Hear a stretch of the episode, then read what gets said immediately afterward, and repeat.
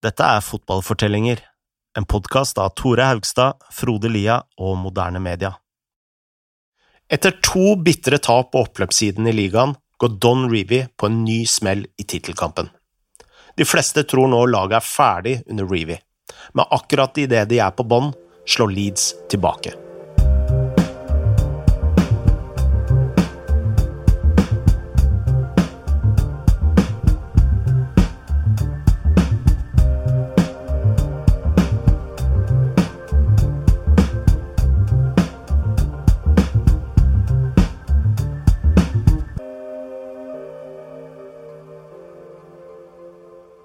Sommeren 1972 eh, så Leeds ut til å gå mot eh, slutten.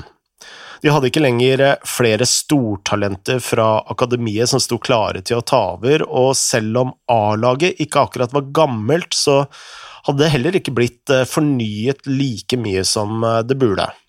Så da Leeds åpnet ligasesongen med å tape 4-0 mot Chelsea, virket det som Reeves dager var talte. Ja, og du kan jo si at han fikk litt straff her for at han ikke hadde kjøpt spillere. De hadde jo egentlig bare dyrka opp en sånn veldig sterk og talentfull gjeng fra akademiet, og så hadde de bare beholdt de, og så hadde de liksom ikke gjort noe mer med det. Og nå så de seg ut til å gå mot slutten, og vi kan jo forstå også at det var tungt. De hadde jo spilt så mange kamper. Uh, og hatt så litt rotasjon. Og så hadde de liksom tapt på oppløpssida i tillegg, så det var mm. enormt, enormt tungt å, å fortsette. Um, men som vanlig så klarte Leeds å finne rytmen etter hvert utover i sesongen. Uh, på høsten så jobba de så på mot toppen, uh, hvor de tross alt hørte hjemme. På nyåret var det imidlertid en krig utenfor banen som fikk mest oppmerksomhet. Det var da rivaliseringen mellom Don Reevy og Brian Clough nådde sine høyder, som eh, sikkert eh, veldig mange er kjent med gjennom både spillefilm og en rekke bøker. Mm, The Damn United, som, som, var filmen. Ja, riktig. Og uh, Clough hadde jo som kjent vært kritisk til Leeds sin spillestil, og, som var både fysisk og defensiv, og sto for noe helt annet enn det han gjorde. Og det hadde selvsagt ikke hjulpet på at eh, det var nettopp Derby som hadde stjålet tittelen eh, foran nesen på Leeds den eh, altså sesongen før. Og nå begynte hatet virkelig å komme til syne. Og Det var ikke lett for Review å, å hamle opp med Clough, som var veldig karismatisk og veldig frittalende og liksom veldig skarp i replikken. Hadde alltid en kommentar. Alltid en kommentar. Uh, han ble jo sammenligna med Mourinho mye uh, når Mourinho kom på banen. Uh, la oss høre mer om denne rivaliseringa fra Rob. I think that they respected each other to an extent, um, but when Derby became a threat to Leeds, um, Reevy, like Shankly too. Shankly was no fan of Clough and and, and would would would criticise him for the amount that he spoke. Uh, you know how how he would talk about other teams' players, how he would talk about other teams and other managers.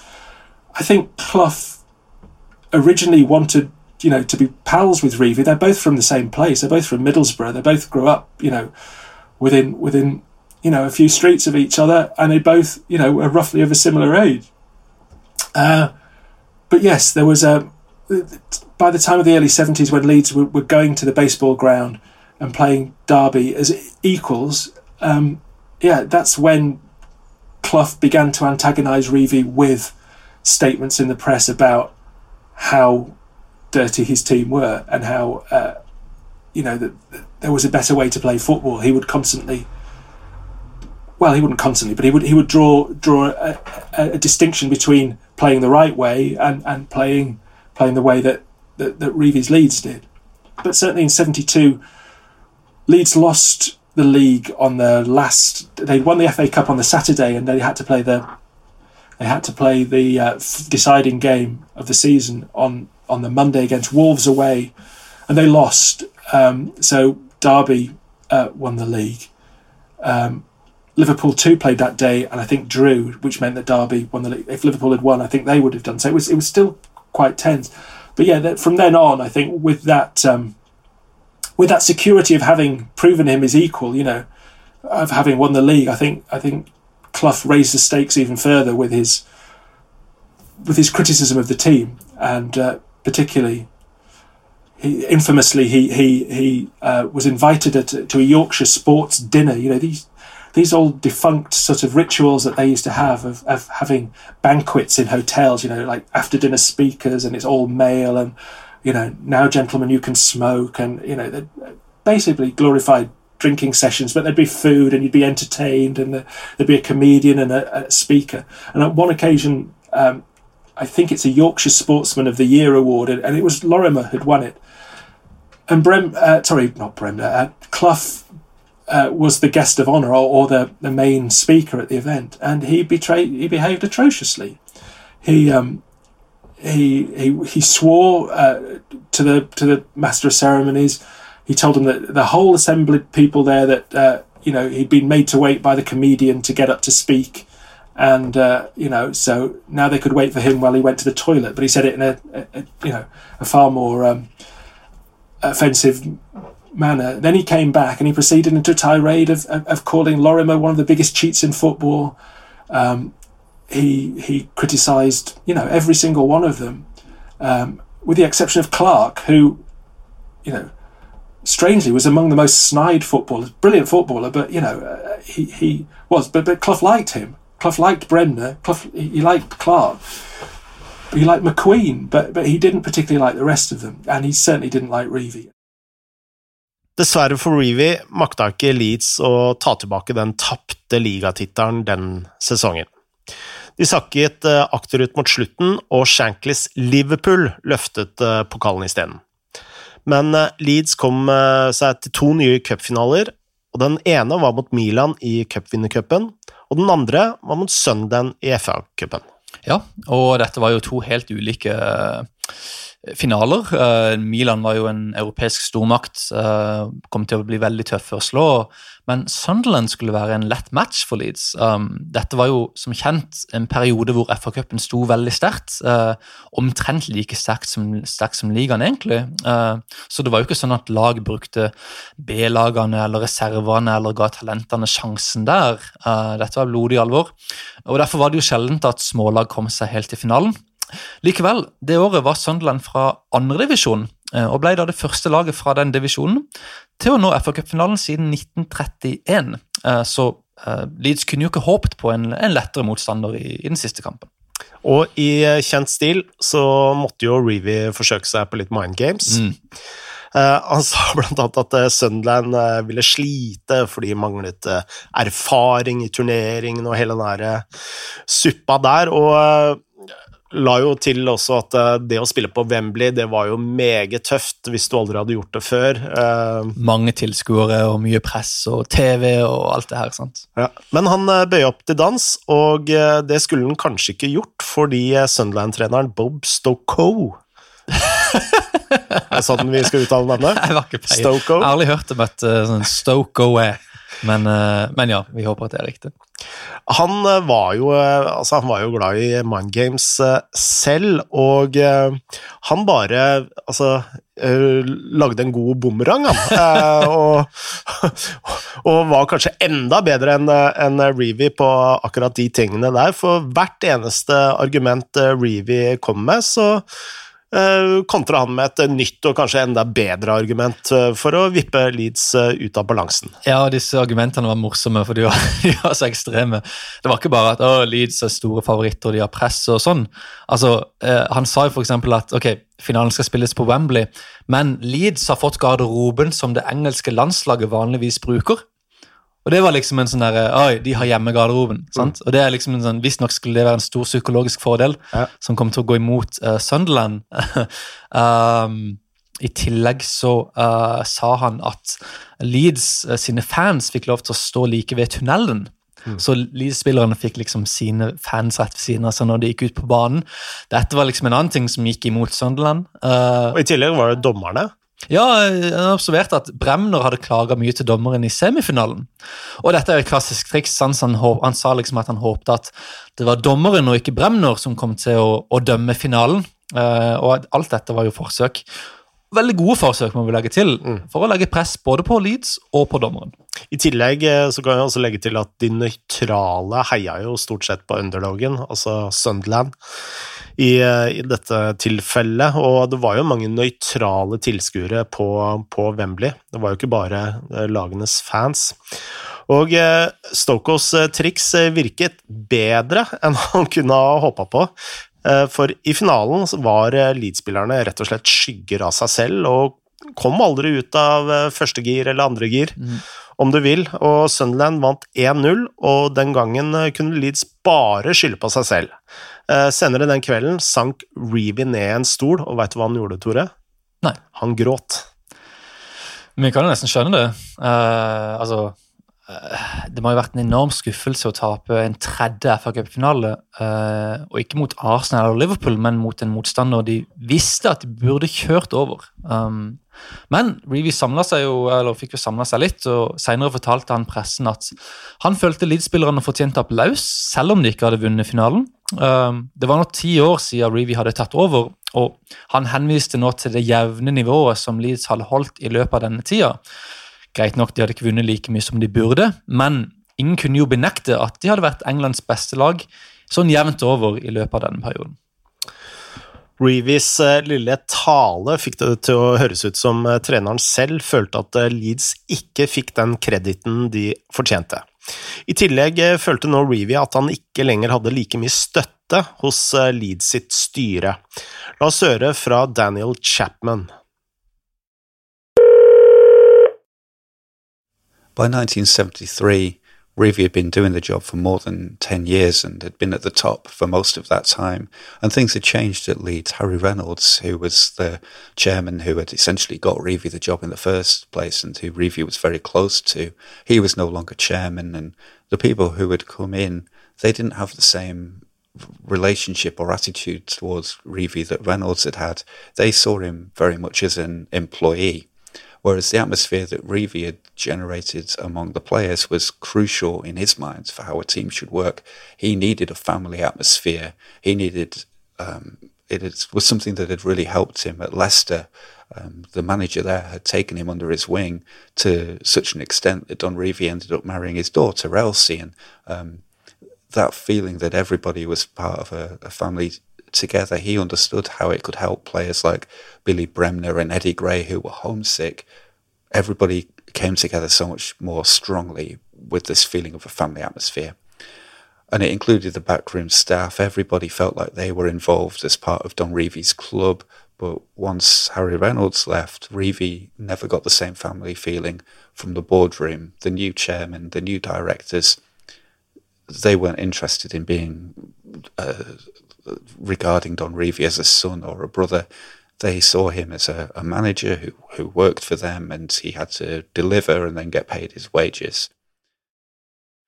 Alle disse faktorene fikk Reevy til å vurdere nok en gang å forlate Leeds.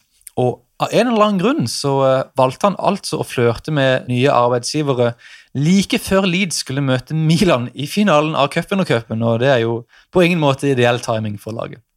Altså samme dag som Leeds eh, skulle til eh, Tessaloniki i eh, Hellas, hvor kampen ble spilt, kjørte Reevy nemlig til Mercyside for å møte Evertons styreformann John Morse.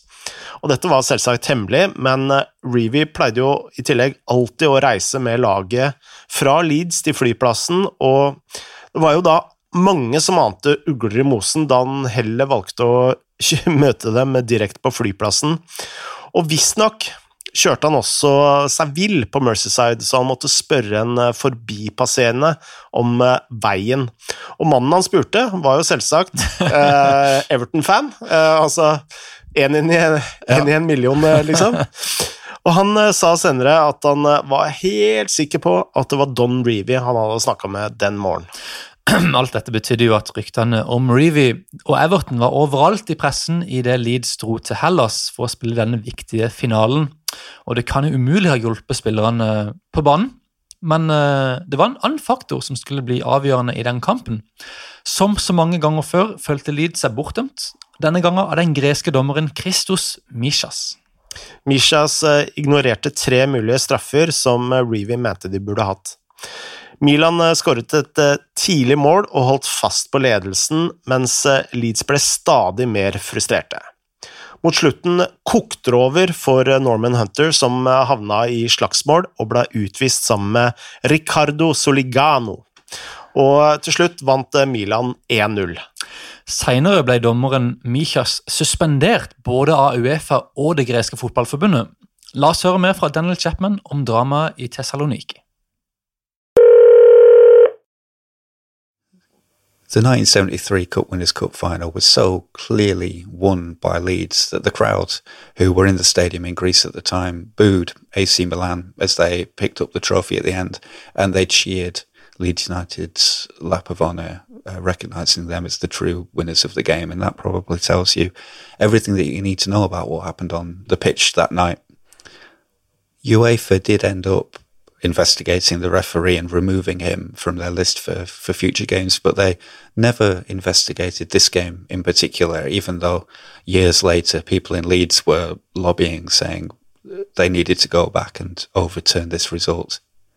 John Giles had been in the team hotel and he said he'd been hearing stories from people talking in the lobby that Leeds could not win the game because the referee had essentially been bought off by Milan was the the story he was hearing and that's how the game looked once it happened on the pitch the the free kick that they scored from was barely a foul that it, there was no reason to give it and the frustration of the game was summed up really in Norman Hunter's sending off near the end. The photo often gets used as kind of an icon of the dirty Leeds era Norman Hunter chasing after a Milan player with his fists raised. But what that misses is the state of Norman Hunter's legs because Milan had spent all night kicking lumps out of him. And the moment before he turned um, to this player when he'd essentially just been kicked from behind off the ball.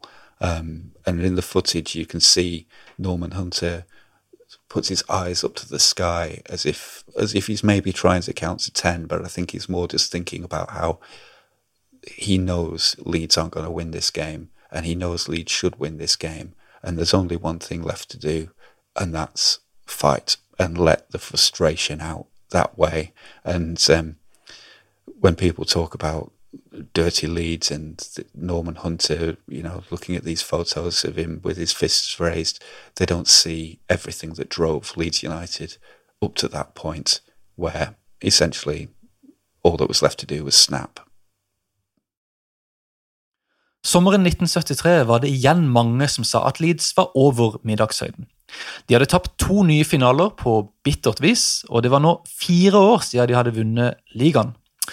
Og nå uh, var det jo heller ikke sikkert om Reevy kom til å fortsette. Så, men, men, hva skjedde egentlig mellom han og Everton den sommeren? La oss høre fra Rob Bacci. Well, having having lost the within a week, they lost the um, they lost the FA Cup final to Sunderland, and uh, let's not forget that when Sunderland had their homecoming party with the FA Cup, uh, you know, six Sunderland fans were allowed to walk onto the to the pitch at Roker Park carrying a coffin saying "R.I.P. Leeds United" onto the pitch and place it in the centre circle. Um, so there were little provocations like that. Then they lost it to to Milan in the in the Cup Winners' Cup final, a, a game they felt that they were cheated out of. That summer, Reevy um, accepted the job as Everton manager and was only thwarted um, from going there uh, because of the size of the contract that was offered to him was in contravention to uh, government regulations at the time, uh, given that uh, Britain was in uh, a period of a, a, a, deflationary period that they had, um, you know, a three-day week. We had strikes. It, the economy was tanking, so uh, they had this thing called the pay board, which stopped um, executives being um, hired for exorbitant salaries as a way to counter uh, this inflation that was going out of control. So he was prevented from going to Everton. Um, he was offered jobs in Greece, um, I think by Panathinaikos and perhaps even by the Greek national side. Um, and in the end, he decided that he would stay, and he parlayed the uh, the fact that that you know he was in demand to get the sort of contract that that he felt that he deserved his um I mean I think it, it it's it's it's interesting to note that his relationship with the Leeds board wasn't as good as, as, as people would assume it was. That, that someone who had delivered success unparalleled, you know, a club that that won its first league title in its 50th anniversary, that had essentially done nothing for the first 40 years of, of its existence. He had an ally on the board who who who became ill, uh, Harry Reynolds, and and then from then on, he had constant battles over standards, over where the money should be invested in terms of the squad. They didn't like the expenses. He, he had insisted on, on, on the players staying in very good hotels, four star or five star hotels on away trips right from the beginning. And Reynolds had always backed this, but by now there was some antagonism within the board about the fact that he, their employee, was getting all uh, the plaudits for all the um, recognition for what Leeds United had become. So there were a couple on the board who were quite keen to get rid of him when when um, when he flirted with Everton, and when he came back, um, you know, he managed to persuade the three allies that he did still have on the board. So it was a three-two split to give him the sort of contract that he wanted, and I think they motivated themselves because he said to them, you know, we have to stick together, and he, he made a a direct appeal to them. He said, you know, we can come back from this. In fact, only we can come back from this. We've come back from everything else in the past. We can still do this. Reevy samla altså troppene til enda et forsøk på å ta ligatittelen. Han skrev at han var uenig i alle som sa at Leeds var ferdige, og poengterte at Leeds elsket å motbevise sine kritikere, og at det kom til å gjøre det igjen. Han eh, visste at han måtte klare seg uten Jack Charlton, som eh, la opp den sommeren, men eh, til resten av spillerne hadde han en utfordring. Vinn ligaen, og kun den. Ja, Reevy ga altså blaffen i alle cupene. En helt annen prioritering enn det han hadde hatt i tidligere år. Og Visstnok sa han også til stallen at ok, vi har vært det beste laget de siste ti årene. Greit, vi har ikke vunnet like mye som vi burde gjort, men det tilhører fortida. La la oss se fremover kan vi gå hele sesongen ubeseira. Samtidig gjorde Reevy et uh, forsøk på å kvitte seg med Dirty Leeds-ryktet.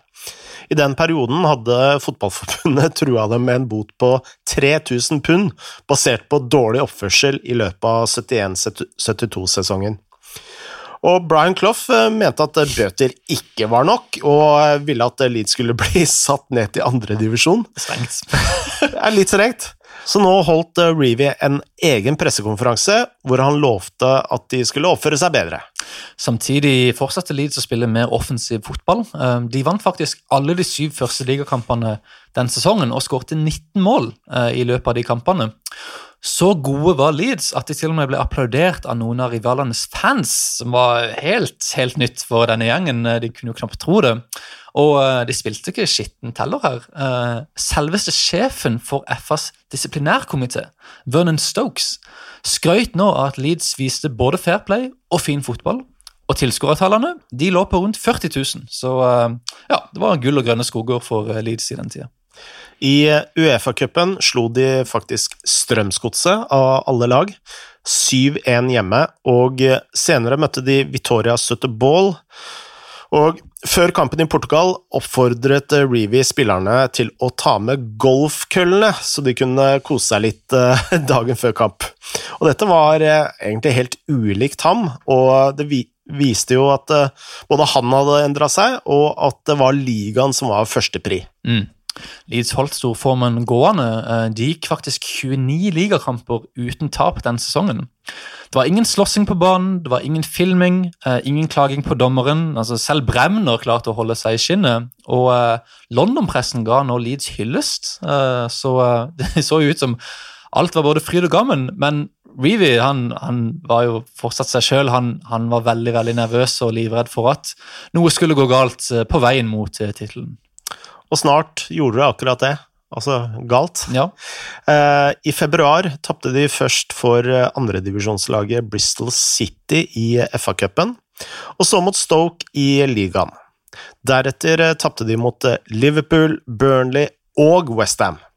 Plutselig sto Leeds med fem poeng på syv ligakamper og var i fare for å kaste bort det som hadde virket en helt sikkert seriemesterskap. Mm.